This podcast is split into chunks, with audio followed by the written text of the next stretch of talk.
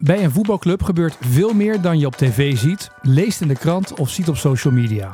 Dus is er nu de Excelsior podcast. Rondom elke thuiswedstrijd schuiven algemeen directeur Daan Bovenberg en Frank Vijg, directeur van de Excelsior Foundation, aan in de brasserie om te praten over de club. En vandaag is ook Niels van Duinen te gast, de technisch manager. We gaan praten over contracten, spelers vinden, kapitaal op het veld en veel meer.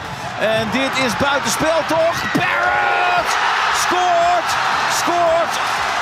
Kijk, zijn er mooie mensen voor de goal? Ja, wat een schitterende aanval van Excelsior. En het doelpunt van Agrafiotis. Sandra naar Driehuis. Zager doet ook mee, de linksachter. Driehuis, prachtig! Komt uh, vrij ver. Barrett, het schot van de Ier. Oh, schitterend afgemaakt. Amarova, handig gedaan. Oedenas, moeilijke hoek. Oh, maar die schiet er nog wel even in die moeilijke hoek. En mijn jonge stoere knapen, ons land het geheime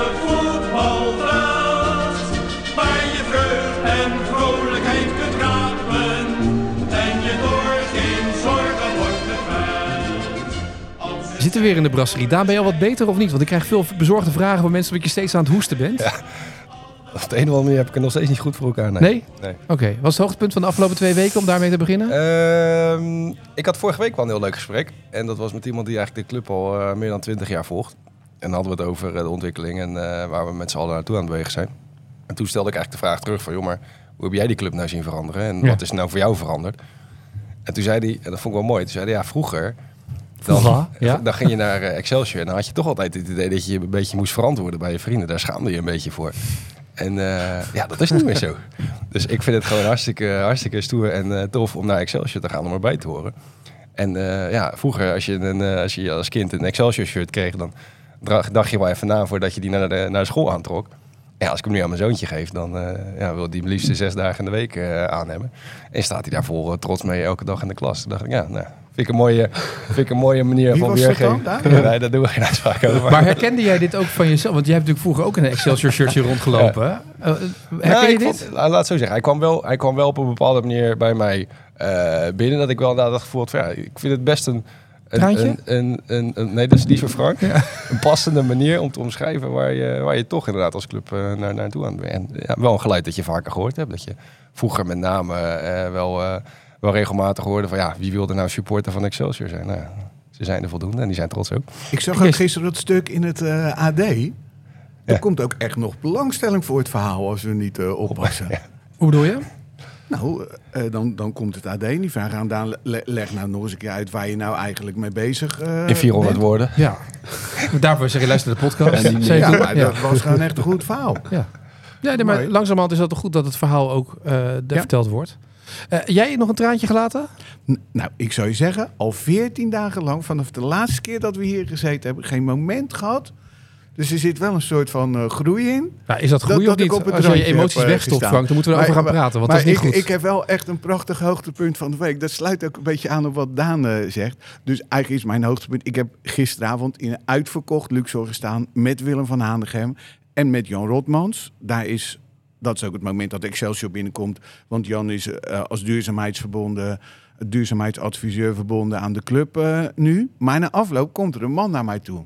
En zegt zo, eh, Excelsior. En nou werk je zeker nauw samen met Daan Bovenberg. Ik zeg, nou ja, je dat uh, samenwerken wil niet. Ja, het zijn jouw woorden, maar, maar ik, zie wel voorbij lopen. Toen, toen zegt hij, toen Daan net op de rand stond van het eerste elftal, toen kwam hij bij ons oppassen. En eh, mijn zoontje was daar best wel, ook een voetballetje, die was daar best wel van onder de indruk. Dus op een gegeven moment krijgt hij een vriendenboekje.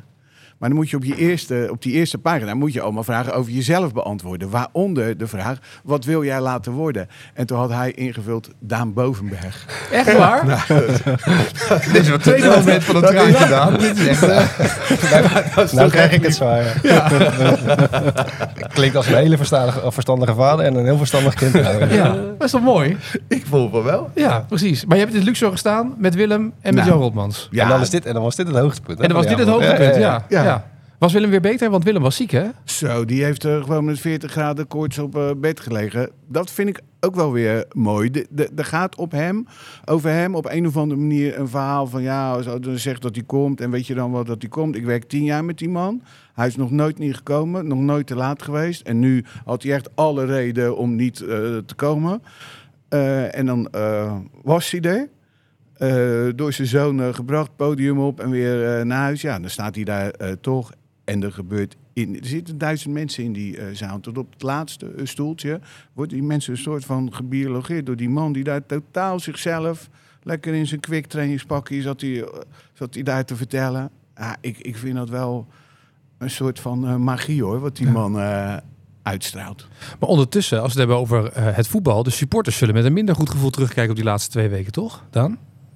Op het resultaat. Ja, denk ik wel. Uiteindelijk... eh Pek verloren. Pek verloren, Volendam. Volendam. verloren. En ik denk ook de, de manier waarop, in ieder geval het contrast wat je natuurlijk gezien hebt in, de, in die wedstrijden, waarbij je zeker niet... eh, soms heb je ook wedstrijden waar je denkt van, ja, oké, dit is kansloos. Of, of, en dat was twee keer echt absoluut niet het geval. Dus ik denk ook wel dat dan het gevoel overheerst dat daar meer in had gezeten. En als het gevoel is dat er meer in zit, dan is het altijd eh, wel eh, teleurstellend als dat ja, niet, niet tot resultaat leidt. En hoe zit de algemeen directeur dan tijdens zo'n wedstrijd... de eerste en de tweede helft op de tribune, ben ik dan benieuwd naar.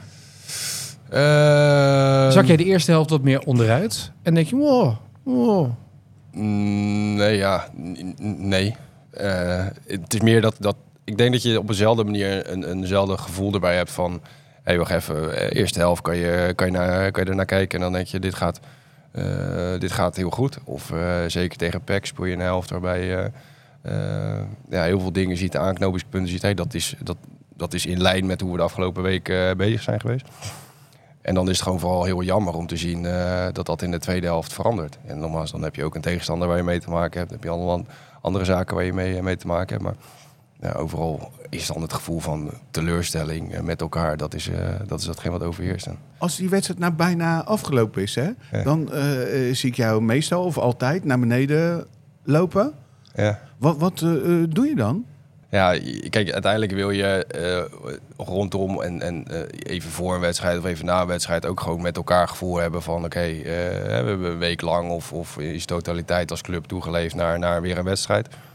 Ehm, dat heeft geresulteerd in ofwel iets positiefs ofwel iets negatiefs.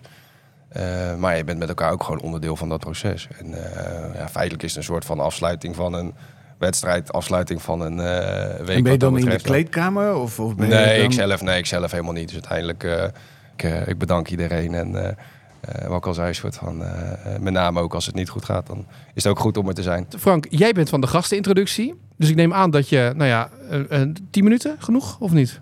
Ja. Korte Ja? versie. Korte versie. Ja, de korte eh, versie. Nou, Niels eh, van Duin is onze technisch manager, hè, 33 jaar. Daan heeft in de vorige podcast uitgelegd hoe eh, jong, maar dat eh, zien we eh, allemaal, maar ook hoe talentvol die is en hoe je de ruimte krijgt om ook je carrière op te bouwen. Nou, we zien op het veld wat daar de de voorlopige conclusie van is. Dat er waarde op het veld eh, staat. Komen we straks nog over te praten. En Niels is vader van één kind. Tweede komt eraan, begin volgend jaar. Dan gaat hij ook nog verhuizen. Dan is het transferwindow ook open. Ja, dus... eh, Is Als- daar ik- een ik dacht verband in? de relevantie van het Ja, laatste ja, stuk snap ik even. Ik snap even niet waarom we verhuizen en de transferwindow, waarom dat dan zeg maar... Nou, je moet dus en gewoon een volop aan de bak eh, in je werk. Dat slok je helemaal eh, op. Je moet verhuizen. Ik, ik weet Goeie niet voorbereiding. jullie voor de laatste keer verhuisd zijn. Dat is echt een eh, drama. Dan slaap je eh, s s'nachts niet met je tweede kindje. En je zorgt ook nog voor je eerste Ben jij nu aan het indekken voor de transferperiode? dat als er een paar slechte transfers tussen zitten, dat die zegt dat komt hier en hier door. Nee, Nou, toch? ik dacht eigenlijk meer, als nou er ooit nog eens zo'n wordt eh, bedacht van eh man Nederland de ideale vrouw. Nee, dan, dan zou ik gewoon eerst, als ik John de Mol was, eens naar die vrouw van de Niels gaan. En eh, vragen, ja, hoe, hoe hoe kan dat eigenlijk? Ik ben heel trots op mijn, eh, mijn vrouw. Eh, die, eh, die steunt mij in alles eh, wat, eh, wat we samen eh, willen, willen bereiken en wat we doen. Maar dat helpt natuurlijk wel. Als we het dan hebben over vrouwen en steunen. Ja. Wil je nu ook wel zeggen over jouw vrouw? nou ja, als we het dan toch over hebben. Weet je, mijn vrouw die luistert elke eh, keer uh, de trots die podcast, hè? podcast. Ja. Ik Met een ook, lach Eh, en een dan- traan. met, Met een lach en een traan. traan, zeggen ze dan, weet je. En dat is voor mij ook fijn, want dan krijg ze ook een beter beeld wat ik hier de hele dag aan het aan weet ze ook wat je aan het doen bent? Ja. Maar er is ook een vrouw van iemand hier aan tafel die weigert gewoon te luisteren. Heb ik ook gehoord vandaag, ja. Oh, dat wil ik wel weten dan. Ja, dus ik, En hoe ga je dit oplossen? Want ik zag de luistercijfers, er kan er best nog eentje bij. ik vind dat echt erg. Jij ziet het, dan komen de tranen toch? hè? Ja. ja, twee weken niet. Ja. Nou, is- Maar zij is echt heel erg... Caroline, hè? Ja. Is echt heel erg geïnteresseerd in alles wat ik doe. Maar van die dingen, eh, eh, vroeger ook met tv en zo. Ja, gaat ze gewoon niet naar kijken. En dit ook niet, dit luistert ze dus ook niet. Nee. Maar heb je niet gezegd dat Daan en ik ook meedoen? Zou dat het eh, zijn? Nou, dan ben ik gewoon weer te veel gefocust geweest op mezelf natuurlijk. Tippie eventjes, hè? Maar de, ja, de figurant dan. Ja. Eh, Niels, eh, welkom in de podcast. Zo gaat het dus de laatste tijd altijd. Dan weet je dat al wat mee. Je hebt het allemaal gehoord natuurlijk, want jij luistert ook met je vrouw, neem ik aan. Ik, eh, ik luister zeker. Oh ja, Dat weet is, je wat ik ook nog vergat in de introductie? Oh, Dat Niels, die, die doet echt hier gewoon een zware eh, klus. Maar met een hele brede blik in die eh, club. Dus als er bij de foundation dingen zijn, is hij er heel eh, vaak belangstellend in wat andere mensen binnen die club eh, doen. Dat, dat vind ik ook wel te vermelden waard. Dat Ja. heb ik nu gedaan. mooi. Bedankt voor deze mooie introductie, Frank. Wat is het moeilijkste als je technisch manager wordt en daarvoor die ervaring nog niet hebt opgedaan eh, binnen een voetbalclub? Nou, wat, het- wat het lastigste is, is dat je eh, alle spanningsvelden eh, rondom eh, de club moet leren kennen. En dat, dat gaat over intern. Dus de, de dagelijkse processen die je met elkaar beleeft ter voorbereiding op, op wedstrijden of op resultaat. Ehm, maar ook, ook het externe landschap rondom de club, die, die voor Excelsior en voor ons in hetgeen wat we aan het doen zijn, iedere dag ontzettend waardevol is. Je komt uit de zaakwaarnemerswereld, hè? Ja, klopt. Ja, dat is toch de andere kant. Dan heb je het belang van één iemand. Dat is vrij makkelijk, toch? Zo hoog Eh. mogelijk salaris, zo lang mogelijk contract en een zo goed mogelijke afkoopsom. Ja, dat is dan een beetje het beeld wat, eh, wat, er, wat er leeft. Ik denk dat het, eh, dat het veel meer dan, dan dat is. Ehm, maar het klopt dat je inderdaad het belang vertegenwoordigt van een, van een topsporter. En, en, en daar en diegene ook zo goed mogelijk weg wil zetten om, om, om zijn carrière, zijn of haar carrière uit te stippelen. Ehm, ehm, en hier eh, binnen een club heb je ja, veel meer eh, belangen die, je die je moet vertegenwoordigen.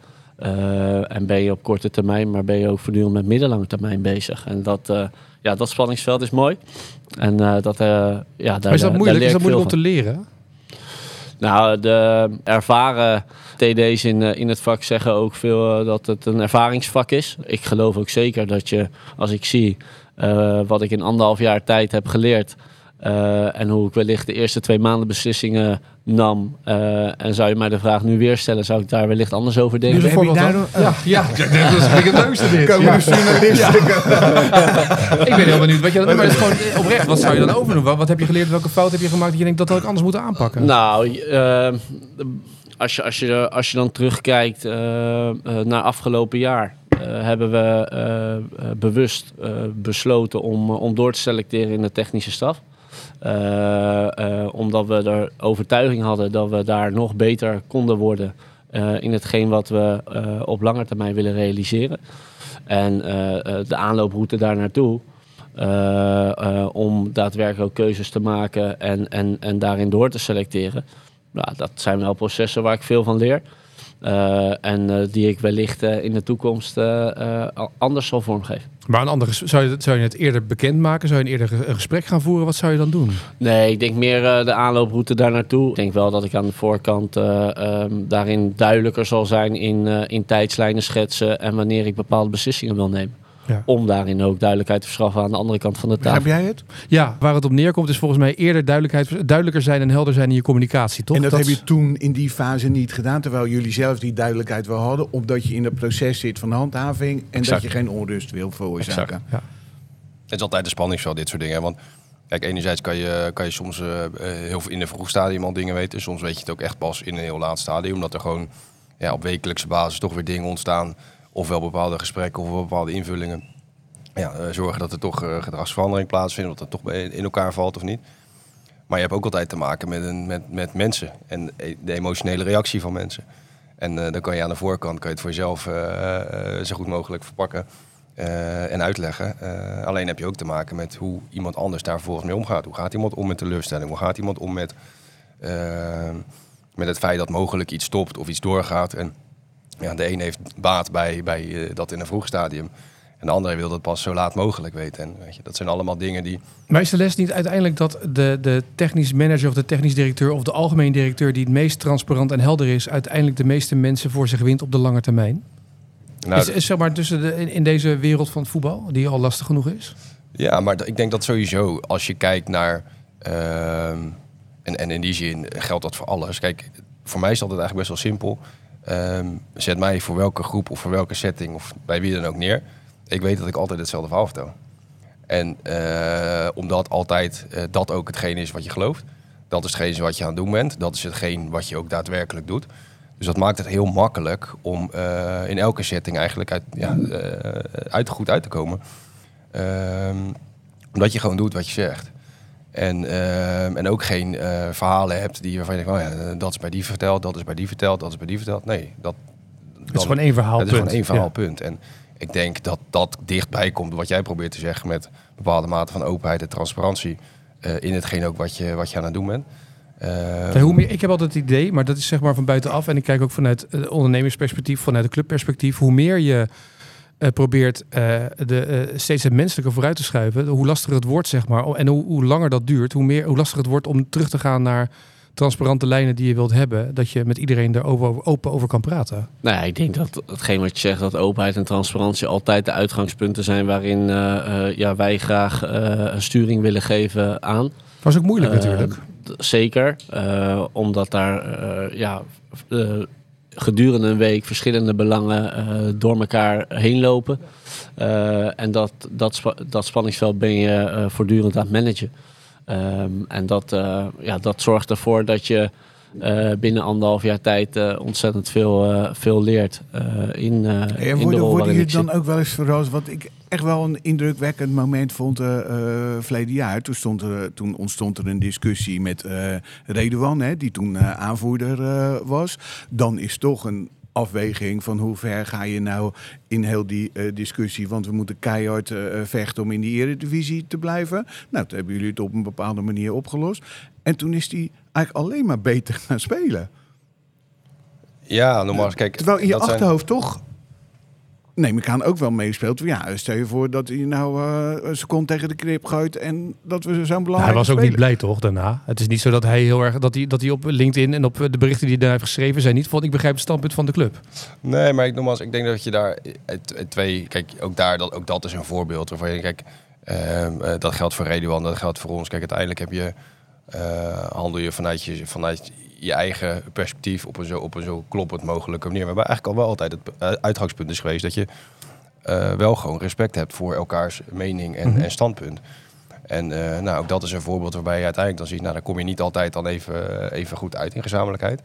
Tegelijkertijd laat het wel ook zien dat je een bepaalde mate van uh, professionaliteit hebt, ja, ook onderling. Waarbij je ja, wel ook gewoon op een normale manier met elkaar verder gaat en doorgaat. En de reactie die Redouan daarbij geeft en in het veld en, en hoe die dat oppakt en hoe die speelt, is daar een, is daar een voorbeeld van. En hetzelfde is, ja, geldt voor ons, maar geldt ook voor, voor Niels, die daar op een meer dagelijkse basis onderdeel van is, staf ook. Um, ja, dat het niet altijd per se is als je het eens of oneens met elkaar bent, dat je dan, dan maar meteen niet meer met elkaar verder kan. En uh, nou, ook, dat is een, ook dat is denk ik een voorbeeld van, uh, van een spanningsveld waarbij je uh, te maken hebt met persoonlijke belangen, met clubbelangen, met sportieve belangen. Ehm, maar we wel altijd proberen te handelen vanuit de, de, zuiverheid en de intentie om het voor de club zo goed mogelijk te doen. En uh, ja, zolang je dat alle tijden tegen jezelf kan zeggen, dan kan je ook in de spiegel blijven kijken. En dan, ja, dan kunnen dingen fout gaan of, of, of, of niet gaan zoals gehoopt. Um, maar wel altijd vanuit de overtuiging dat je op die manier het beste doet voor, voor, voor, de, voor, voor de club en het sportief-technische verhaal. Dit verhaal is wel aardig wat jij nu aansluit, waar we het nu over hebben. Want Frank, ik zie bij jou ook heel vaak op LinkedIn berichten voorbij komen over... Uh, pas ook een medewerker van uh, Excelsior Foundation die uiteindelijk weggaat na drie jaar. Eh, en in het verhaal dat je schrijft, zeg je, we zijn elkaar, we zijn het gesprek aangegaan en volgens mij was het klaar, eindig. En dan ben je boos naar elkaar, uiteindelijk ga je goed uit elkaar. Heb je vaker al aangehaald in deze podcast dat, dat je binnen bent gekomen en toch een soort van ja, reorganisatie. Dat is eigenlijk wat je doet, toch? Je gaat nieuwe mensen neerzetten, fris bloed binnenhalen, nieuwe plekken. Maar dat wel in een soort van openheid proberen te betrachten met elkaar om dat gesprek aan te gaan. Ja, en dat je altijd hetzelfde verhaal wil vertellen. Ja. En daar, daar heb ik weer eh, van geleerd in die afgelopen periode. Dus wij doen ook van die van- analyses ja. van, de denkstijlen. Ja. En dan krijg je allemaal van die kleuren. Ja. En dan zit er bij eh, Daan heel veel eh, creativiteit en geel. En dan heb je een normaal profiel en een stressprofiel. Ja. En in mijn stressprofiel ga ik dan heel snel, ja, als nou even tegen zit, dan denk ik, ja, laten we nou maar gelijk naar dat resultaat gaan. En dan duwen we daar gewoon een beetje eh, op. Hebben we eerst dat geregeld. Hij blijft daar heel standvastig in. Dat is ook wat je hem zelf hoort eh, vertellen. Ik blijf gewoon altijd hetzelfde verhaal vertellen. En als je dat koppelt aan openheid, ja, dan, dan is mijn ervaring, heb je, heb je nog wel eens lastige gesprekken, maar heb je zoveel meer kans op, op eh, eh, dat je er dan op een goede manier uitkomt met Ja. elkaar. En, en dat, dat met, met eh, verder, waar, wat, wat jij nu net zegt, dat was echt voor ons allemaal hartstikke leerzaam. Want we, we zitten op een gegeven moment en dan zeggen we van ja, ja dit gaat eigenlijk gewoon niet meer in deze omstandigheden. Maar ja, wie gaat dat zeggen? En, en hoe erg is dat voor haar? En hoe vervelend is het voor ons? En, nou, en op een gegeven moment hebben we het gezegd. En er was met, een goed verhaal. En er was gewoon helemaal niks aan de hand. Stralend heeft ze die laatste twee maanden eh, doorlopen. Komt iedereen beter uit. Nou, dat, dat, ja, dat, dat vind ik hier echt wel leerzaam. Ja. Jij gaat zo meteen in een periode zitten, eh, Niels, transferperiode die eraan komt. Dan ga je ook verhuizen schijnt. En dan krijg je ook een kind. Dus dat schijnt een vrij zware periode te zijn. Ik schijnt daarna te. Ja. gebeuren, weet je. Ja, het schijnt allemaal heel ingewikkeld te zijn, heb ik net gehoord. Ik, het indek is alvast begonnen. Maar ja, Daar ben ik ja. niet zo van. Nee, maar ehm, eh, jij moet zo meteen een periode in dat je moet gaan doorselecteren. Dus je moet gaan kijken. En je, eh, Frank zegt net, ja, er staat waarde op het veld. Maar de jongens die waarde vertegenwoordigen hebben ook een aflopend contract. Dus dank je de koekoek met je waarde op het veld. Nou, ik denk dat dat, dat genuanceerder ligt als, Oh, eh, die jongens waar het om gaat, zeg maar. eh, eh, ik, eh, afgelopen ze, Ja, maar dit is zomer. toch echt gewoon niet waar? hè? Nou, de- Van Gassel is degene waar, dan, daar waar je geld aan kan verdienen. Maar die loopt Nou. af. Moet je in de winterstop verkopen. Jacobi moet je in de winterstop verkopen. Sacré. De spits moet je verkopen. Driehoedge. Ja, drie uur is oké. Sacré, geef ik je. Maar ik heb drie om twee dan. Nou, ik denk dat er meerdere jongens zijn toegevoegd waar we waarde mee willen creëren richting de toekomst. Hè. Sanchez Fernandes, eh, Casper Wiedel, eh Kik Piri, die we helaas nog niet, eh, niet hebben, Mhm. hebben gezien eh, dit, dit seizoen.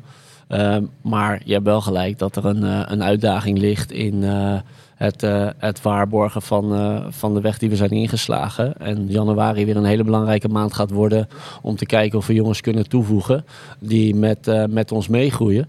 Of dat we in staat zijn jongens te verlengen voor onze, onze club. En dat is de fase waar, waar ik of wij eh, ons op dit moment in, eh, Maar hoe ver staat dat? Kom erop dan. Gelijk het nieuws er maar naar buiten. Wie, eh, nou, zover, zover is het niet. Alleen ja, laat duidelijk zijn dat jongens die vanuit de opleiding doorgegroeid zijn richting het eerste elftal.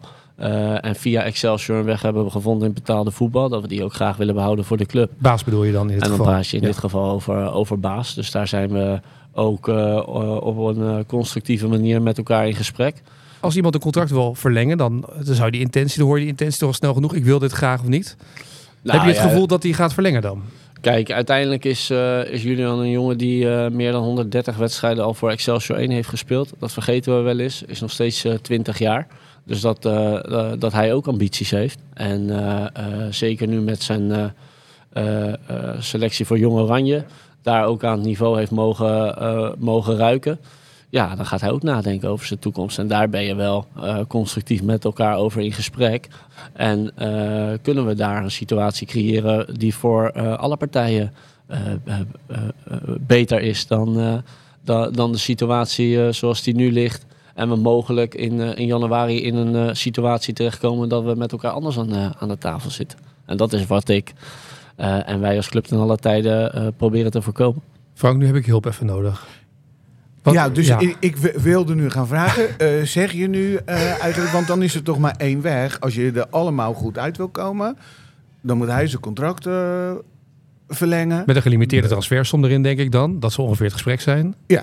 En dan verdient de club eraan. Hij krijgt meer een, geld. eh, Ja. een jaartje langer blijven bij een fantastische club. Speelt hij alsnog eredivisie. En daarna kan hij die stap maken. Dat is dan wat je hem voorstelt. Nou, dat is dan de conclusie die jullie, eh, die jullie trekken. Nou wij Maar, proberen hier eh, tot in- de, in de- ja. In de lijn als het zo zou lopen, dan, eh, dan denk ik dat ik me daarin kan vinden. Dit, dit is een jongen die ook veel aan de club eh, te danken heeft. Be- ben ik dan gewoon te romantisch als ik zeg dat dat is toch ook logisch als je dat dan eh, teruggeeft en je familie hier is en je eh, vriendin in eh, eh, het eerste vrouwenelftal speelt. Nee, ik denk dat, eh, dat Julian dat ook zo voelt. En eh, eh, dat dat ook de reden is waarom we met elkaar in gesprek zijn. En eh, eh, laten we hopen dat eh, bij de volgende uitnodiging die je krijgt voor deze podcast... Volgende keer, volgende Dat, week. prima, twee weken. dat we, even dat we toch? mogelijk daar, eh, daar meer over, over kunnen vertellen met elkaar. Maar dat zijn wel de... eh, ja, dat is wel waar we ons op dit moment eh, begeven. Dus eh, ja, met jongens in gesprek zijn over, over de toekomst. Maar tevens ook heel kritisch kijken waar willen we januari voor benutten. Om mogelijk al door te selecteren richting, richting volgend jaar. Ja, wat is dan de tactiek? Want vaak de winterstoptransfers zijn vaak de jongens die bij een club op een zijspoor zijn geraakt. En dat zijn niet zeg maar de, de grootste toppers. Vaak een, een wintertransfer is vaak, tenzij je hem haalt, met het oog op het seizoen erop om mensen te laten wennen, de jonge talenten. Dat kan natuurlijk ook vaak, hè? Nee, ik denk dat wij vorig jaar hebben bewezen dat de Zo, januari-window voor ons een hele belangrijke Ja. is geweest. Enerzijds in het eh, eh, het direct toevoegen van kwaliteit. Maar anderzijds eh, jongens ook onderdeel zijn geweest van Excelsior. En eigenlijk hebben ervaren van ja, hoe, hoe mooi het ook kan zijn om, om met, ook, met elkaar ambities te hebben. En daar vervolgens ook de beslissing maken om lang, langer onderdeel van te willen blijven. En in het geval van Kik en Arthur Ja. zijn twee voorbeelden die we vorig jaar in januari eh, eh, hebben, hebben gehaald. En tevens ook langer, eh, zich langer hebben verbonden aan, aan de club. En zo kijken we ook deze januari-window weer. om, om jongens ja, kennis te laten maken met de manier waarop we werken. hetgeen wat we willen, willen bereiken. Ehm, om mogelijk ook eh, aan de hand daarvan weer eh, naar de toekomst te kijken. Is, is dit echt de eerste keer in die 121 jaar dat deze club eh, bestaat dat er echt waarde op het veld staat? Nee, dat denk ik niet. Nee joh. Dat denk ik ook niet. Kijk, Wiever, Dallinga, Niemeyer. Ja, dat is Jerry een jaar. Dat is een jaar. eh, nou, kom, ja, Jerry Schouten. Dat, dat, Nee, maar Lars de- Veldwijk. Lars Veldwijk. Botaka is ook nog ooit voor drie ton verkocht aan Leeds. Ja. Ja. nou, jammer. zeg maar, eh, deze meneer is ooit ook een keer verkocht. Ja. Hoe- Hoeveel ben jij eigenlijk Ja, verkocht? Ja, ik heb geloof ik tussen de 500 en 600.000 euro opgeleverd. Zo. Naar Utrecht toen? Ja. Echt waar? Ja, ja, zeker weten. Het En- is Simon Kelder toen goed. eh, Ja, dat heeft hij goed gedaan, ja. Ja, de basis gelegd voor alles. Nee, maar wat je wel ziet, kijk, wat, je, wat, je wel, wat, wat, wat denk ik wel goed is aan de, aan de, aan de fase waar we, waar we momenteel in zitten, is dat we eh, ook veel nadrukkelijker, eh, en Niels noemde het net al, enerzijds ben je natuurlijk heel erg met het korte eh, termijn altijd bezig, omdat de prestaties van spelers, prestaties van een eerste elftal, eh, ja, elke week eh, natuurlijk heel veel tijd, energie en aandacht vragen om dat in een goede proces te leiden. Maar we wel ook ehm, heel nadrukkelijk al kijken van oké, buiten een zomerperiode gaat er een winterperiode komen, gaat er weer een zomerperiode komen. En ik denk dat alle jongens die nu bijvoorbeeld ook vastgelegd zijn, dat zijn jongens die, ja, waar je ook al een, window eerder eh meegesproken hebt, waar je die eh, geenthousiasmeerd hebt. Oh, heb je al een keer het verhaal verteld, heb je al een keer aan tafel gehad. Ja, kom je voor een tweede keer terug, kom je voor een derde keer terug. Eh, dan zie je wel opeens dat je in staat bent om, om ja, jongens aan je te binden die, die anders gewoon niet mogelijk waren geweest. En ik denk wel dat je nu heel erg ziet dat dat geldt voor de aankomende winterwindow, ook weer doorkijkend richting de volgende, volgende zomer. Dat we wel heel proactief eh, vooruit eh, onze zaken doen. Eh, en niet zozeer in het momentum alleen maar zitten. En dus ook de aankomende winterwindow zullen zien en zullen aangrijpen om eh, ja, ook alweer eigenlijk te kijken naar het, naar het seizoen daarop. Met inkomend en uitgaand wat, wat erbij Maar dan is dit toch echt wel een nieuwe situatie. De, de- de- dus jullie geven mij nou allemaal voorbeelden van spelers die hier dan spelen en dan een keer verkocht worden. Dat, dat snap ik ook wel dat dat ons ook al is overkomen. Maar nu ben je toch heel bewust bezig om elke keer naar dat soort jongens eh, te kijken die... Maar dat is de laatste jaar toch altijd gebeurd al? Vind je Nee, dat niet er zit wel, er zit wel, laat ik zo zeggen, wat je wel meer, en dat hebben we afgelopen zomer ook erg gezien, dat je, en toen zijn we ook gewoon in staat geweest. En dat praat met het, het hele verhaal van de club. Hè? Want enerzijds het verhaal wat je vertelt, waar mensen moeten geloven, wat goed moeten zijn. Eh, waar in de scouting Niels, eh Marinus een, eh, een hele belangrijke eh, rol in spelen. Anderzijds, hè, doordat de club eh, leeft, groeit, zich ontwikkelt, aantrekkingskracht is, sta er financieel ook op een andere manier voor. Waardoor je ook kan zeggen aan de voorkant, hé, hey, wacht even, eh, we gaan al handelen. Eh, en we hoeven niet per se alleen maar te wachten tot, eh, tot eind augustus. Hè, want dat is heel vaak de tendens geweest. Is dat je pas heel laat in een window eh, eh, je zaken eh, kon doen. Eh, waarbij je nu gewoon al in een veel eerder stadium zag dat we in staat waren om jongens vast te leggen. En ook daadwerkelijk zelfs zelf vast te leggen. Ehm, eh, en dat is wel een lijn die we eh, eh, nu eh, inzetten, ingezet hebben, die we ook vast willen houden. Nou, dat is misschien wel wat, wat jij bedoelt. is het Gewoon met die grote waarde. verschil, Ja, precies. De- het grote verschil is dat jongens als Kik Peri en Sagre nu wel komen. Daar waar in het verleden, eh, ik weet nog dat we ooit eh Omerson haalden. En dat was op het lijstje van Ferry de Haan, was dat spits nummer 14 of 15. Die had echt al 13 spitsen al gesproken. Van eh, Veerman tot, die jongen die bij RKC speelde, die met de keeperster die van Tess Wester gaat. Spits, die speelde, is uiteindelijk naar Denemarken gegaan. Speelde daarna vorig jaar bij Emmen. Lieder. Leader, ja. Ja. Dus er waren 13 spitsen en uiteindelijk was dit nummer 14. Eh, en, die dan, en nu komen ze misschien, als je Kikperi had of Sagre, dan krijg je jongens die...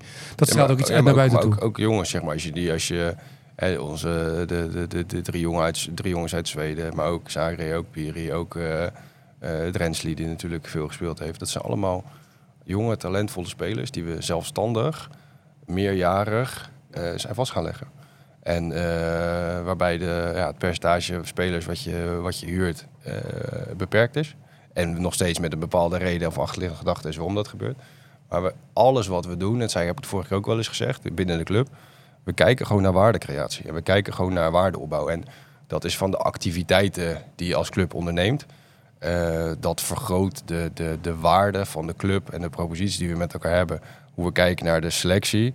Ook daarin kijken we heel specifiek hoe gaan we die waarde opbouwen, uitbouwen en eh, ook richting de toekomst van profiteren. En dat zit deels in jongens die er al nu zitten, maar dat zit ook deels in, in doorverkooppercentages, opleidingsvergoedingen. En hoe ga je daar op een slimme manier mee om? En nogmaals, ik denk dat we daar wel heel vooruitstrevend zijn en het onszelf ook niet altijd makkelijk maken. Want dat zorgt er ook voor dat je in hele moeilijke deals en constructies terecht gaat komen, omdat je echt vasthoudt dat je, aan je eigen uitgangspunten. Waarbij het niet zo simpel is van ja, eh, het doen van een snelle deal. Nee, het moet gewoon ook op de op middellange of lange termijn voor de club gewoon eh, goede deals zijn. En waar zit dat dan in? De, de complexiteit van deals? Enerzijds complexiteit van deals, omdat je uiteindelijk met de eh, eh, eh, positie in het voetballandschap die je financieel eh, hebt, wel eh, dit wil waarborgen. Eh, eh, maar anderzijds er ook in het voortraject heel veel tijd gaat zitten in het enthousiasmeren van spelers. Om uiteindelijk bij een, een, een deal te komen. En Dus je moet spelers meer enthousiasmeren, omdat je weet het, wat ze hier kunnen verdienen ten opzichte van andere Nou ja, clubs moet is minder. Ja, daar moet, je, daar moet je in investeren. Dus je moet daar proberen eh, jongens ook echt daadwerkelijk het gevoel te geven dat, dat in de fase waarin ze zitten in hun carrière. En daar is Troy, Troy Parrott daar een mooi voorbeeld van. Ehm, eh, daar was veel interesse voor, uit binnen- en buitenland. Eh, maar op basis van het gevoel wat hij heeft gekregen door Excelsior te bezoeken, door meerdere gesprekken met ons te hebben. Je moest ook echt pitchen ook bij Spurs, toch? eh, sp- ja, eh pitchen bij, eh, bij Spurs. Die ook met eh, Marcus Edwards een, eh, een, een hele goede ervaring hebben gehad met Excelsior. Maar hoe gaat dat? Ik vraag me dan af hoe dat pitchen gaat. hè? Want er zijn heel veel Ja. clubs die hebben natuurlijk enorme selecties tegenwoordig. Ik zou als club blij zijn dat tenminste iemand hem nog wil huren. Dan, hè, dan kunnen we nog wat iets terug van die salariskosten. Nou, dat, eh, dat, dan ga je een beetje terug naar de coronatijd eigenlijk. Waarin je in eerste instantie in twee ja, digitale videomeetings eigenlijk eh, komt. Eh, in eerste instantie eh, eh, met, eh, met iemand van eh, Spurs die eh, eh, eigenlijk aan het verkennen is van wat zijn de mogelijkheden voor onze spelers. Dus hebben nog een verkenner ertussen zitten. Ja, eh, Oké. en, en die eh, is tevens ook in eh, direct contact met, eh, met de speler op het moment dat hij verhuurd wordt. Ehm, nou, dan vervolgens mag je dat wat breder eh, toelichten. Dus dan komen eh, eh, de Niels van Duinens eh, van, eh, eh, van, eh, van Tottenham in beeld. Nou, en aan de hand daarvan dan ga je ook in gesprek met, eh, met een speler. Maar is het ook een soort van afvalrace dat ze eerst tien clubs laten pitchen en dan drie of vier Ja. die overblijven? Is Ja, het echt zeg maar een soort van... eh, Dus eh, eh, in eerste instantie is de scope voor Tottenham heel breed geweest. Dus hebben ze op vier competities ingezet. Nou, vervolgens eh, aan de hand van, eh, van, eh, van die ronde hebben ze ingezet op, eh, op Nederland. Eh, nou, er waren een aantal clubs die ook eh, interesse hadden in, eh, in Troy. Hadden ze een goed gevoel bij ons. Nou, en toen hebben we Troy een dag in Rotterdam uitgenodigd. Ehm, eh, een, programma, een dagprogramma gemaakt waarin enerzijds kennismaking met de club, met de staf en met mij centraal stond. Maar ook meenemen in Rotterdam van oké, ja, hier ga je wel een jaar wonen. Eh, wa- waar kom je dan terecht? Eh, eh, denk je dat je daar gaat aarden? En vanuit eh, die hoedanigheid komen dan alle partijen bij elkaar. En eh, dan is het aan het eind van de rit eh, ook de complexiteit dan van een deal om dat samen te brengen. Want dan, moet jij, dan krijg je dat salarisstrookje van Troy en dan denk jij, ja, piece of cake. Nee, maar kijk, uiteindelijk, het is wel een mooi voorbeeld, hè, want het, en het zit in hele kleine dingen, Ja. hè, want vervolgens eh, eh, zit je ook inderdaad te bedenken, oké, wat gaan we dan in Rotterdam doen? En dan zit je te, te bakkeleien over of je met de watertaxi gaat of, de eh. Ja. Ja, dus dat, Ballentent, Ja. ballentent. Daar zou jij naartoe gaan. wat, wat hartstikke Zo goed dat je Frank je meegenomen. This is de ballentent. Troy Parrott nooit gezien. This is de. Ja. Nee, maar je moet het dus wel zo zien dat eh, hè, dan kan een, een, een, een speler een voorkeur hebben of, of een gevoel bij eh, dingen. Maar uiteindelijk heb je ook nog te maken met een club. En die heeft inderdaad wat je zegt, salarisstrook eh, X liggen. En die weet dat er drie andere clubs zijn die ook willen. En ja, die kunnen bij wijze van spreken allemaal eh, Meer betalen, ja. dan dat wij kunnen betalen. Dus dan ga je in een situatie terechtkomen dat oké, eh, we zien het belang, eh, de club ziet het belang, de speler ziet het belang. En, eh, maar vervolgens moet je er ook nog eh, financieel uit, uit zien te komen. En dan gaat het wel heel erg om, oké, hoe kan je op een creatieve manier enerzijds eh, eh, wel een, een stuk compensatie doen aan de voorkant, waarbij je gewoon eh, met elkaar aan tafel zit. Maar ja, wat voor modellen kan je bedenken om ook richting de toekomst met elkaar te creëren, waardoor het toch ook voor Tottenham wel een situatie is waar ze denken, oké, weet je, het verhaal is goed en op deze manier accepteren we gewoon ehm, dat we die jongen hier, hier een jaar neer gaan zetten. Of, of langer, want dat weet je uiteindelijk nooit. Maar dat is hetzelfde, ja, weet je. Als jij met iemand zaken doet, iemand komt bij jou langs en die wil eh, jouw diensten afnemen. Maar niet betalen, dat noem ik eh, niet. Nee, ja, en Er, zijn, er zijn drie partijen, je, je Ja. kan je tijd één keer verdelen. En er zijn drie gasten die zeggen van, joh, eh, ik betaal jou gewoon het volle map. En er is eentje die zegt, ja, volle map is allemaal leuk en aardig, maar eh, ik betaal je de helft. Maar eh, eh, ja, ik heb ook nog over A, B, C en D gedacht. En misschien is dat richting de toekomst ook wel handig voor jou. Ehm, ja, welke afweging maak je dan? Ja. En eh, eigenlijk moet, je, moet iedereen het ook vanuit die hoedanigheid eh, bekijken. En dat maakt het, als je het op die manier ziet, altijd wel weer eh, knap en lastig. Dat wij dus altijd in een situatie zitten waarin we ehm, ja, niet in de basis aan, aan de vraagprijs van iets voldoen. Dus jij bent ondernemer en niemand wil precies betalen wat jij ervoor voor vraagt. Terwijl er wel mensen zijn die dat willen doen. Ja, welke opdrachten pak je dan? Maar nou, nou speelt die Troy Parrott niet in de basis. En dat geldt voor meerdere huurspelers niet. Word jij nu, nou ja, bij Ajax valt dat mee, de, de, wie weet begot die weer moet bellen, maar bij de andere ploegen, wie wordt je dan ook gebeld van, hé, hey, wat is er aan de hand en we hebben toch een deal en we willen die jongen laten ontwikkelen? Nou, je hebt wel wekelijks contact over eh, eh, hoe processen verlopen, waar we met elkaar tegenaan lopen. Eh, maar is het voornamelijk ook voor de jongens belangrijk dat alle eh, betrokkenen eh, eh, hetzelfde blijven denken. En ja, dat is de verantwoordelijkheid in deze dan voor mij om, om mensen te informeren en mee te nemen in het proces. Ehm, eh, waarbij het, het ook niet zo is dat we aan de voorkant maar zeggen: ja, bij Excelsior ga je alles spelen. Nee, dat moet je zelf afdwingen. En dat moet je op trainingsveld laten zien. En daar begint het wel. Maar het is ook weer een voorbeeld van wat je zegt. Gewoon, hoe, hoe, hoe beter en hoe open en transparanter je bent gewoon in je communicatie. Ehm, ook naar de clubs en eh, eh, wat er gebeurt, eh, wat we zien ontstaan, waarom er keuzes gemaakt worden. Dan kom je er eigenlijk altijd wel goed uit. En nogmaals, dan kan uiteindelijk ook altijd op een gegeven moment de situatie ontstaan dat je denkt van, nou, oké, dit is voor beide gewoon geen wenselijke situatie en dan eindigt dat. Maar dat is niet heel veel anders dan met, met andere spelers. Alleen ja, het idee is hier wel. En nogmaals, ik denk dat jij Niels dat ook wel gewoon heel goed begrijpt. Dus hè, als je het dan hebt over de vertaalslag van eh, vanuit zaakwaarnemerperspectief, vanuit het belang van een speler denken. ehm, ja, dat je ook heel goed begrijpt wat de relevantie is en waarom zo'n jongen hier is. En hoe belangrijk het is ook voor zo'n speler en zijn carrière om te gaan spelen en wat dat doet. En eh, ja, wat er dan ook rondom zo'n speler gaat ontstaan vanuit familie, vanuit vrienden, vanuit eh, een club. En, en hoe je dat in proces in, in goede banen leidt. En dat is iets waar je gewoon op die manier ook op dagelijkse basis mee bezig bent. En dan ga je dus weer in discussie komen. Doe je dat goed? Ehm, ja, ben je in staat om, om dat boeltje te managen en bij elkaar te houden? Doe je dat niet? Ja, dan gaat er heel snel heel veel onrust ontstaan. En ik denk dat je dat ook wel eh, ja, in de voetbalwereld sowieso heel veel ziet gebeuren. Dat, dat die onrust die vervolgens ontstaat, eh, uiteindelijk voortkomt uit eh, ja, ofwel onvoldoende aandacht, ofwel onvoldoende transparantie, ofwel onvoldoende gewoon inlevingsvermogen ook in de situatie van zo iemand. En ik denk dat dat iets waar we met name natuurlijk ook heel veel tijd en energie in stoppen, om dat hier gewoon wel goed voor elkaar te krijgen. Hoe goed is deze selectie nou eigenlijk? Als je nou kijkt naar de stand in de eredivisie. Nou, ik denk dat ten opzichte van de stand uh, in de Eredivisie. Uh, de Eredivisie dit jaar zo in elkaar zit dat, uh, dat de top 5 echt, echt sterk is. maar alles daaronder ook heel dicht bij elkaar ligt. En, top 5 of top 4? nou, in principe spreek je altijd van, van een top 5. in dit geval misschien een top 4. maar is dat denk ik vertekend? Maar eh, de groep daaronder, waarin je voorheen altijd heel duidelijk sprak van een middengroep en de onderkant van, van de competitie. Ik denk dat de verschillen niet zo groot zijn dit jaar. Dus vind ik dat we beter zijn dan, dan vorig jaar. Dat heb ik al, al eerder uitgesproken. Ehm, ehm, hebben we ook een, een hele mooie ambitie dit seizoen. dat is enerzijds handhaven. om, om ja, het de weg die we zijn ingeslagen, dat we die ook kunnen uh, blijven bewandelen en, uh, en door kunnen groeien. In hetgeen wat we aan het doen zijn.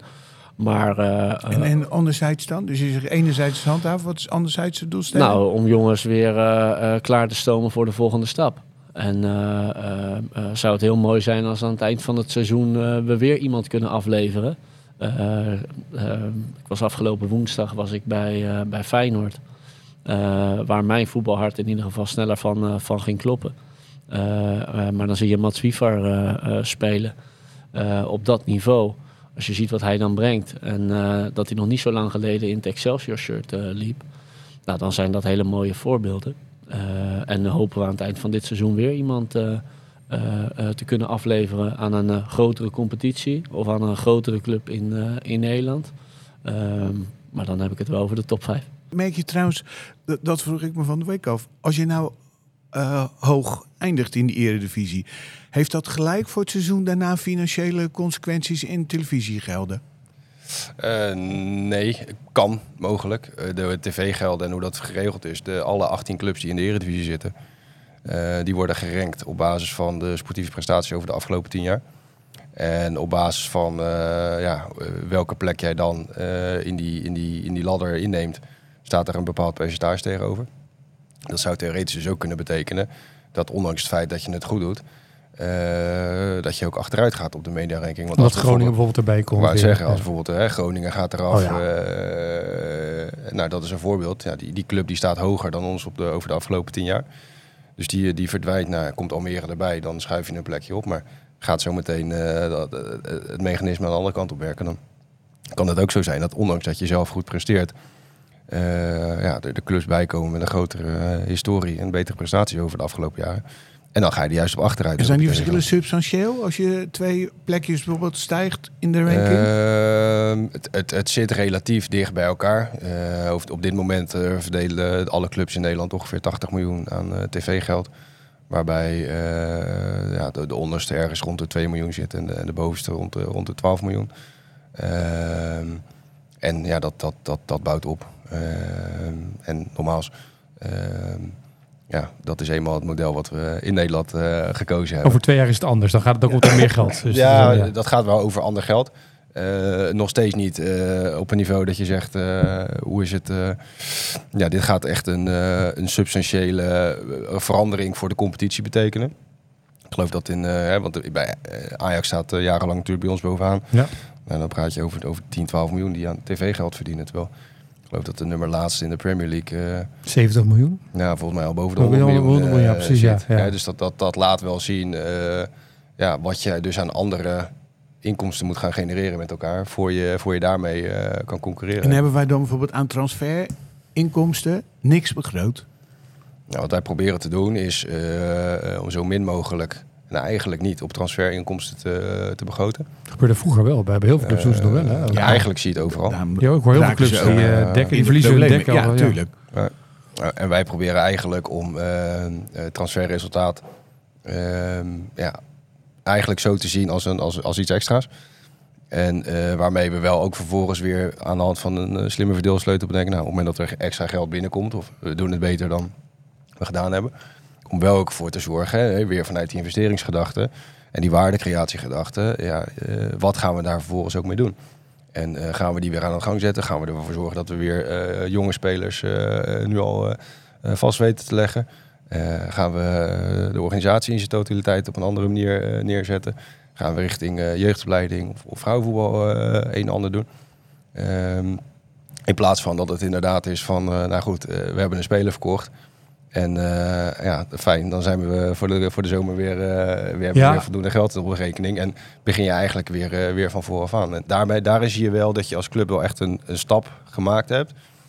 Dat we op deze manier vanuit zelfstandigheid, dus ook zonder dat we met spelersfondsen of iets dergelijks nog hoeven te werken om, om dat te doen. Ehm, ja, heel gericht ons geld uitgeven. Eén stapje terug met die transferinkomsten. Ik zei net, het transfer, transfers worden dan begroot. Maar eigenlijk zijn het de afschrijvingen op spelers die worden begroot. En sommige clubs werken met een verlies.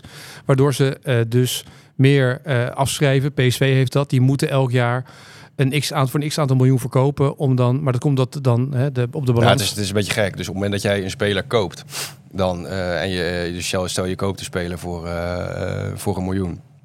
En je legt hem eh, voor vier jaar eh, vast.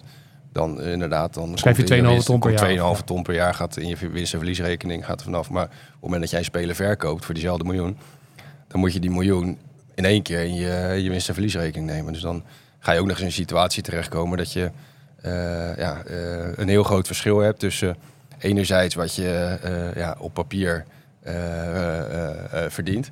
En anderzijds je ook cash daadwerkelijk op de bank hebt staan. Dus je ziet met name dat bij heel veel clubs het heel moeilijk is om een goede balans te houden tussen enerzijds, eh, hè, want vaak wordt er gefocust, net zoals bij alle bedrijven, op oké, wordt er winst gemaakt, wordt er geen winst gemaakt. Ja, er wordt voor 120 miljoen verkocht en voor 115 eh, miljoen ingekocht. Dus dan hebben we zeg maar winst, toch? Dat is een beetje hoe dat dan... Exact, Ja. terwijl de liquiditeitssituatie gewoon heel anders kan zijn. Eh, want enerzijds heb je wel al aan het begin, als je een speler koopt, ja, kan je best al gewoon één keer moeten betalen. En als je hem verkoopt, dan kan het best zijn dat hij over vier jaar betaald wordt. Eh, en daar gaan best wel grote, grote gaten in zitten. En als je dat, op een, dat spelletje op een slimme manier begrijpt en op de juiste manier in staat bent om eh, eh, ja, eh, goed, in je, goed in je liquiditeit te zitten, zodat je ook weer kan, kan handelen op het moment dat er gevraagd wordt. Ehm, ja, dan, dan denk ik dat je goed bezig bent. En die balans is bij ons momenteel heel erg, heel erg goed. En nogmaals, ook dat is weer afhankelijk van, hè, want ook wij zijn gebaat bij uiteindelijk het, het doen van, van transfers. Eh, zeker als je kijkt op, op de begroting en de aantallen die we hebben, dan ja, je kan heel veel eh, verkopen. Je kan het commercieel gezien fantastisch doen, maar bijna niks weegt op tegen op een goede manier een eh, speler verkopen. En dat is dus ook deel van ons verdienmodel. Maar we proberen wel echt ervoor te zorgen dat het niet bedoeld is om vervolgens ja, gaten te dichten of om die begroting dat jaar dan maar sluitend te krijgen. Maar heel erg weer van oké, hoe gaan we dat richting de toekomst wegzetten? En nou, nogmaals, ik denk dat dat ook hele goede, leuke en inhoudelijke discussies ook zijn die, eh, die je vervolgens ook intern kan, eh, kan voeren. Want er zit ook echt nog wel een wezenlijk verschil tussen een situatie waarin je eigenlijk ehm, ja, eh, geen geld hebt en een situatie waarin je wel geld hebt en er waarvan je gevraagd wordt wat, ga je ermee doen? En dat zijn Zoals nu bedoel je. Nee, niet zozeer als nu. Want kijk, het moet ook weer niet zo lijken alsof, we, alsof het allemaal eh eh er maar is. Want we moeten er heel hard voor werken. En wat ik al zeg, de balans tussen eh, investeren aan de voorkant en aan de achterkant ervoor zorgen dat je ook echt daadwerkelijk die waarde creëert. Die, is- die, die super, is een super dunne lijn. Zeker ook omdat we weten dat wat we doen op eredivisieniveau willen we ook op keukenkampioen-divisieniveau doen. Nou, als je gaat kijken wat de inkomstenverschillen zijn op eredivisieniveau en keukenkampioen-divisieniveau, dat is gigantisch. Dan ben je in jaar 1 praat je al over 30 tot, tot 40 procent van je omzet die je gewoon in één keer kwijt bent. Alleen al op basis van tv-gelden en eh, wat, wat prijzen die teruglopen. Maar ook in die setting moet je vervolgens wel weer eh, hetzelfde leveren als wat mensen eh, verwachten en wat je zegt dat je doet.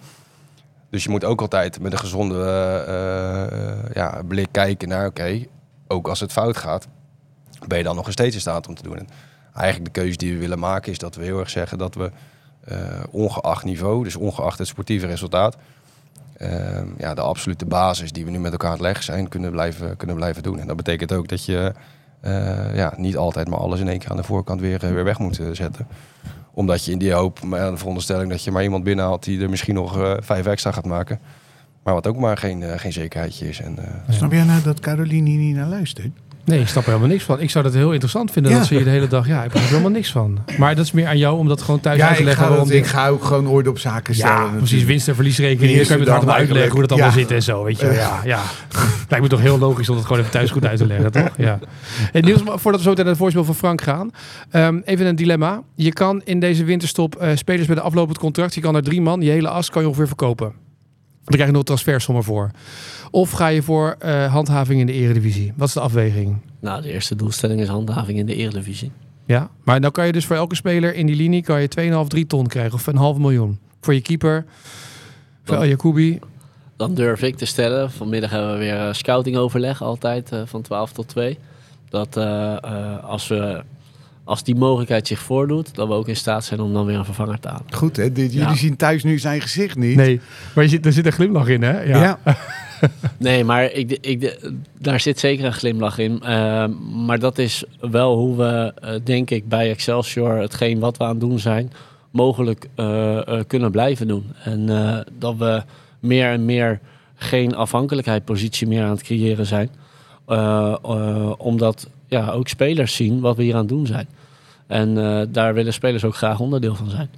Ja, en de overtuiging dat we met elkaar ook gewoon een hele ja, mooie club mensen hebben. Die, eh, eh, Je wordt nu gebeld, begrijp ik? Je, zit, je houdt je telefoon nu op, hè? Je wordt gebeld door een zaakwaarnemer. Heel goed. nee, maar dat, je, dat, je, dat we ook echt eh, de mensen hebben om elke keer weer eh, invulling te geven aan, aan, aan eh, wie er ook vervolgens vertrekt, wie er ook weer weggaat. Nogmaals, dat zullen we altijd benaderen vanuit het concept. Als het goed is voor een speler en het is goed voor een club, dan is dat ook onze rol en onze positie in het, eh, in het voetballandschap. Eh, maar tegelijkertijd eh, ja, gaan wij ook elke keer weer op zoek naar, de- naar de volgende. En dat is ook wel heel erg leuk. Of tenminste, dat vind ik heel leuk. Om vanaf de zijkant ook te zien. Dat je, en dat proef je ook bij, bij Niels, proef, ik dat heel goed. Weet je. Je voel je- bij spelers voel je soms van, zit daar een bepaalde twijfel of zit daar een overtuiging. En als Niels een bepaalde overtuiging heeft van, weet je, is een goeie. Ja, dan eh, voelt dat ook gewoon eh, eh, goed. En dan durven we daar ook op te handelen. Als dat eh, vervolgens eh, dat ook betekent. En hoe voorkom je dan als technisch manager dat je niet zo meteen een elftal hebt met alleen maar jongens die eh, uit heel Europa komen, behalve uit Nederland, en dat je nog een Nederlandse identiteit houdt? Want dat is natuurlijk de kritiek die nu een beetje langzaam doorcijpelt op de eredivisie. Nou, dat is de grootste uitdaging. eh, waarin we van oudsher eh, eh, eh, veel op Nederlandstalige spelers altijd hebben ingezet. Waarin de voertaal ook ten alle tijde Nederlands zal zijn. Dat we ook dat zeker moeten, moeten behouden. Eh, eh, maar tevens ook ervaren in de markt dat we ten opzichte van de concurrentie andere markten moeten aanboren om, om competitief te blijven in deze, in deze competitie. En dat lijntje is dun. Eh, ehm, maar eh, is het uitgangspunt in alle tijden om, dat wel, om daar zoveel mogelijk wel op in te blijven zetten. Dus eh, ook weer in de KKD of de onder de 21 competities veelvuldig aanwezig te zijn deze, deze weken. Om, om te kijken of daar, of daar jongens lopen die, die ons kunnen versterken. Hoe is het met Joshua Eigenraam eigenlijk? Nou, Joshua is, is verhuurd aan, aan Topos. Ehm heeft in het promotiejaar veel gespeeld. Eh, aan de hand daarvan hebben we ook, eh, ook zijn contract verlengd. eh, waarin we veel potentieel in, eh, in, in Joshua eh, eh, zien.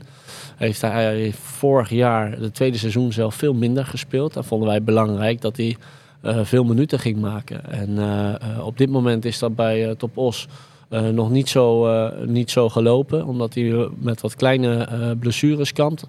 Eh, maar ben ik ervan overtuigd dat, eh, dat eh, Joshua er helemaal eh, bovenop gaat komen. En eh, gaat hij eh, komende zomer weer, eh, weer bij ons terugkeren. Frank, het is tijd voor jouw sms slash voicemailberichten. Ja. Nou ja, ik zou zeggen, laat maar gelijk gaan luisteren. Dit is de mobiele telefoon van Frank Vijg.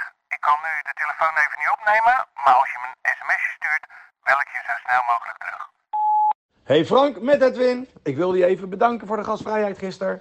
Wat een leuke opzet. De kandidaten één voor één aan tafel. Persoonlijk vertellen waar ze naar op zoek zijn. ook persoonlijk vertellen waar we rekening mee moeten houden. Wij hebben genoten. De volgende keer zijn we zeker weer van de partij. Ik spreek je later. Hoi hoi. Ik zag de foto's voorbij komen inderdaad op LinkedIn de banenmarkt. Was druk bezocht of niet? Zo. Nou, Maar het mooiste was eigenlijk dus je hoort de Edwin IJsakkers. Hij wordt van- wordt enthousiast, Ja, hij wordt er helemaal wakker. Een beetje over voetbal geluld en ineens, huppatee, dan komt hij weer. Yo, zo! Het is op een hele andere man naast ons zitten. Dan zie je dat voetbal maar bijzaak is. Ja, en daarom luistert Caroline Ja. niet naar de podcast. Omdat ze wacht op deze momenten en daar moet ze naar door. Ja, moet zo goed. Moet een uurtje wachten voor ze daar... Ja, Nee, dus je, je hoorde eh, net eh, Edwin eh IJsakkers van eh, onze partner eh, Teamwerk. eh, lid van de Business Club ook. En die doen in werkgelegenheidsdiensten. ik ben nog nooit iemand tegengekomen die er zoveel van weet als hij. Maar nou gaat het er eigenlijk om. Ook in alles wat we hier bespreken, kunnen wij nou dingen doen die heel erg in ons verhaal passen. Of je nou hier technisch manager bent, of je algemeen directeur bent, of je in de foundation werkt. En dingen die heel dicht bij onze kernwaarden liggen. Nou doen wij een banenmarkt waar we werkgevers met werknemers in contact te brengen. Daar, daar zijn traditionele vormen eh, voor. Zet je allemaal kraampjes neer met werkgevers, dan komen die werknemers daar eh, langslopen. En als je dan andere betaald voetbalclubs in de eh, stad, ja, dan komen daar duizenden mensen op af. Dus wij gingen eerst gewoon doen wat zij ook deden. En dan komen er bij ons minder mensen op Iets af. minder, ja. Dan, dan, dus ehm, samen, open, sociaal, inventief, in ontwikkeling. Eh, we willen steeds eh, hoger. Laten we nou eh, vanuit dat inventief het gewoon op een hele andere manier doen. Dus boven zag het er ook heel anders uit. Staan er allemaal lange, keurig, net gedekte tafels. Komen werkzoekenden binnen. Die worden allemaal persoonlijk ontvangen. Die zetten we allemaal aan tafel.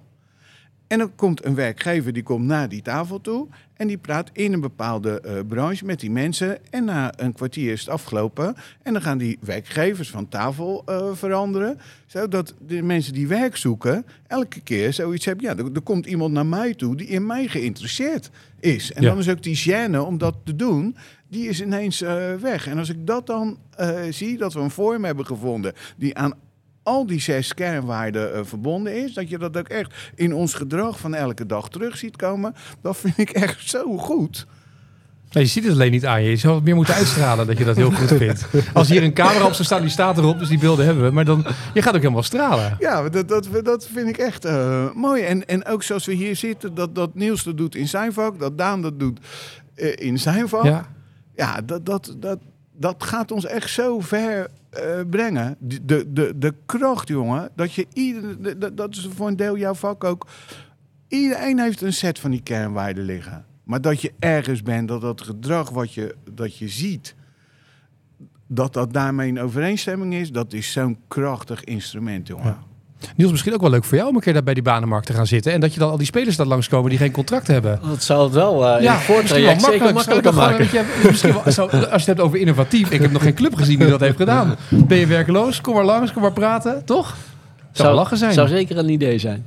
Vind ik wel, wel mooi. Daar gaan we het later op de dag nog even over hebben, Frank. Zeker. Ja, dat is een goed plan. Eh, we gaan richting het einde van deze podcast. Want we zijn al een uur aan het praten. Eh, we moeten nog wel één onderwerp bespreken. Twee onderwerpen bespreken. Eén, in de WhatsApp van de Business Club.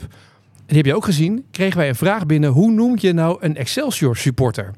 Want je bent een Spartaan. Je bent een Ajaxiet. Je bent een Feyenoorder. Je bent een PSV'er. Maar wat ben je nou? En dan vraag ik het maar aan de man die vroeger in de vriendenboekje stond. Als wat wil je laten worden? Daan Bovenberg. Daan, wat ben je nou als Excelsior fan of supporter? Heb je daar ook een naam voor? Trot? Ja, nee. maar, maar ben je een Excelsior, ben je een Excelsioriaan? Ben je een Excelsiorer? Ben je een... Boah, Ja, vind ik een goede vraag. En daar heb ik ook het antwoord echt niet op. maar kunnen we misschien onze luisteraars vragen om dat even door te geven? Misschien via Instagram of via Twitter? Ik, Misschien moeten we daar een klein onderzoekje aan wagen. Dat, ja, eh, maar dat is dus... Het, ik, want ik vond het best een goede vraag. Ja. Ad Jansen kwam er mee. Hoe noem je nou Zo, zo'n dat super... is ook, noem je, nou gaan we even name dropping eh, doen. Op vrijdagavond eh 1 uur Meester s'nachts. Ja. Dat, eh, Ja. maar de vraag is wel, hoe noem je iemand toch? Ja. Ja. Nou, Heb jij, heb het antwoord? Ja, dat zeker langer mee. Nee. Nee? Nee, is niet, nee, is- nee, is niet lullig bedoeld. ook. Nee, maar jij loopt er al lang mee in het voetbal. Ja, Ja, met ik die- hoor die ondertoon Zag je wel. Nee, maar oké. maar dus, kom maar op met het wat het is. Ik weet het echt niet. Eh, we gaan het opzoeken. Ja, dat is waar. En twee, eh, Niels, er zijn natuurlijk een hoop mensen die, als ze het over jou hebben, natuurlijk je broer Mike die hier voetbalt, dat het onderwerp moeten we toch even aansnijden als je hier zit. Hoe is het nou gegaan en, en wat is nou de status van? Hoe gaat het bij jullie bij de kerst? Nou, bij ons eh, eh, bij de kerst eh, is het altijd heel gezellig. We zijn, eh, zijn in dat opzicht een, eh, een hechte familie die graag bij, eh, tijdens de kerst bij elkaar komen. Ehm, Maar ja, gaat het als je je- over Die gaat? helpen bij verhuizen zo meteen. En bij, en bij de, bij de ki- ja, kinderopvang en oppassen, dat schijnt ook wel heel goed te kunnen, ja. dat, zou, dat zou mooi zijn. Maar hij ligt natuurlijk voor langere tijd vast. Ja. Eh, speelt bijna niet. Nou, ik denk dat het goed is om even terug te gaan naar het begin. eh, waarin we eigenlijk in, in dezelfde zomer eh, eh, zijn, eh, zijn binnengekomen. En eh, op het moment dat ik in gesprek eh, kwam met Excelsior, daar eigenlijk al interesse was eh, in, eh, in, in Mike. Eh, hij vorig jaar, het jaar daarvoor ook in de zomer nog heeft meegetraind. eh, met, eh, met de huidige eh, technische staf. Eh, en dat contact eigenlijk altijd gebleven is, maar toen heel, heel bewust gekozen heeft voor, eh, voor een buitenlands eh, avontuur. Ehm, daar het contact altijd eh, is gebleven. En op het moment dat ik in, eh, in gesprek eh, kwam met, met Daan en, en, en met de club, ehm, wist ik dat er ook interesse was in, in, in Mike. Ehm, is daar tevens natuurlijk ook aan mij gevraagd, hoe, hoe kijk je daarnaar? Wat vind je daarvan? Maar gaat het op het moment dat ik kies voor Excelsior, gaat het niet om het belang van mij. Gaat het om het belang van, van de club. En vanuit dat eh, eh, perspectief kijk je, er ook, eh, kijk je er ook naar. En ehm, ehm, ehm, vanuit die overtuiging maak je ook bepaalde beslissingen met elkaar. Waarin ik wel als, als broer en naamgenoot daar dan ook vervolgens tussenuit ben gestapt. En eigenlijk Daan dat gehele proces heb, heb laten, laten, ja, laten leiden. Ehm, eh, waarin je ook weet dat als het goed gaat, dan is het, eh, kan, het, eh, kan, het, kan het mooi zijn. Als het minder goed gaat, en daar praten we in dit geval over, dan weet je ook dat het. Eh, Dan ligt het eh, op jouw schouders. Hè? Want hoe kan je nou, nou, je dan- broer drie jaar vastleggen? Dat is wat dan- mensen dan roepen. Dan weet je ook waarin je. Ja, maar dat is dus, maar dat is, Ja. en nogmaals, daar kan ik er wel eh, aan, aan toevoegen. Dat is dus niet de setting. nee, maar Dat dus beeldvorming is dus wel Maar, hoe dat dan eh, is. eens. Maar goed, kijk, weet je, dat is, dat is beeldvorming. En dat is ook mee, en dat is soms heel lastig. En dan begrijp ik ook waar het vandaan komt. Maar het is, uiteindelijk is het precies zoals Niels het schetst. Eh, dat contact was dus eigenlijk al eh, voordat eh, Niels aan, aan tafel was. Eh, en het is dus ook op geen enkele manier het geval dat Niels dan vervolgens zegt, eh, laten we hem vastleggen en eh, laten we dat eh, Voor acht jaar doen. voor drie Ja. jaar doen. Helemaal nee, niet. precies. We wilden een bepaalde mate van kwaliteit, persoonlijkheid, Nederlandse achtergrond en ervaring toevoegen. En, en op die manier is dat, is dat verlopen en gegaan. En dat lijkt nog niet bijna op, eh, op de beeldvorming, zeg maar. eh, eh, Maar, maar even- nou in termen van openheid. Hè, ik Ja. herinner me nog dat we hier vorig jaar in, in het supportershome eh, zaten. Met, met een avond met alle supporters. Wij, wij zaten naast elkaar. Toen voelde ik een beetje die spanning. Toen dat een aantal keren aan de orde werd gesteld. En, en daar is in eerste instantie ook feitelijk uitgelegd wat, wat jullie nu ook doen. En toen zei hij op een gegeven moment. En toen voelde je gewoon heel die sfeer veranderen. Ja, maar dit doet wel pijn hoor. Want wij, wij voelen wel hoe jullie denken. En hij is voetballer en hij wil die goals maken. En hij maakt ze niet. We- weet je ook wel wat dat voor iemand eh, betekent? Ja, dat was een iets bredere discussie. Want dat- dat ging eh, volgens mij over eh, alle drie de spitsen op, eh, op dat moment. Dus dat was niet eh, specifiek op, eh, op, eh, op Mike. Ehm, eh, maar, maar, maar tuurlijk maak je, maak je dat ook bespreekbaar. En is het niet zo dat jongens ofwel hier terugkeren of kiezen voor Excelsior om eh, vervolgens geen goal te maken als, eh, als ze van hun beroep spits hebben gemaakt. Dat, eh, dat, eh, ja, dat dat lijkt me vreet duidelijk. ook aan je. En, en dan is het ook je broer. D- dat is de... Ja, maar het is ook wel waar direct het onderscheid wordt gemaakt tussen eh, eh, professioneel eh, eh, voetbal spelen of eh, daar een, eh, nou in dit geval een, eh, een familierelatie eh, relatie hebben. En ik denk dat we dat beide goed kunnen, kunnen scheiden. Ehm, bewandelt hij zijn pad eh, als, als voetballer, bewandel ik mijn pad als technisch manager van Excelsior.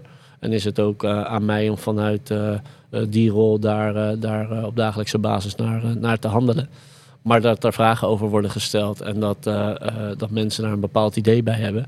Ehm, dat snap ik heel, eh, heel goed. En ik denk ook dat het eh, goed is om daarin dan eh, duidelijkheid te verschaffen over hoe dat, hoe dat tot stand is gekomen en waar we op dit moment ons met elkaar bevinden. Vieren jullie Sinterklaas met z'n allen? Zijn er van Sinterklaas niet. Oh, nee. ik dacht misschien als je, dan, als je hem trekt, heb je in ieder geval een goed gedicht waar je wat mee kan, toch? nee, eh, Ja. nee Hier op de Sinterklaas club wel, niet. hoor. ja? Oh, Ja. oké. Ja. Misschien volgend jaar wel met de kinderen. ja, dat wil ik zeggen. Ja, lijkt me ook, ja. Maar op de club wordt wel Sinterklaas gevierd. Ja, doen we Mooi. gewoon uh, ouderwets loodjes trekken, eh, gedichten maken. Ik hoop heel erg dat ik Frank heb. Ja, dat wil ik zeggen, ja. Maar dan moet je wel via de sms doorsturen, dat gedicht, hè? Niet via de WhatsApp. Ik zal het gedicht... eh, even Ja, verwisselen. weg morgen. Nee. Ja. en dan het gedicht vol overtuiging hier een uur lang, zeg maar, eh orerend eh, voorlezen. Nou, ik zou, ik zou best leuk vinden als wij rond Sinterklaas ook zeggen met z'n even, omdat we toch nu de hele tijd met z'n drieën zitten, we ook een soort van Sinterklaas versie hiervan maken. Nou, dat is, dat Dat is, is toch best wel leuk, ja, toch? Ik ga dat doen. Ja. Ik zal een gedicht... eh, Ja, Dan maken we wel twee podcasts ik ga in één er keer. Want dan aan jij een gedicht maken. Frank Daap, eh, volgens mij zijn we daar voor deze podcast op naar eh, eh, AZ. Eerst een bossen. ja. Of ze eerst een bos, ja, maar dat is wanneer je hem luistert ook, hè? Oh, ja, Ja. dat is waar. Dat is waar. Dan heb jij gelijk. Ja, als je nu zeg maar op donderdag luistert, dan is Ja. het eh, Ja. AZ natuurlijk. Hè? Dus dat, eh, op naar Bekerweek en eh, op naar eh, de volgende wedstrijd hier in het stadion. En tot over, eh, wat is het, twee weken weer dan, hè? Ik ben benieuwd.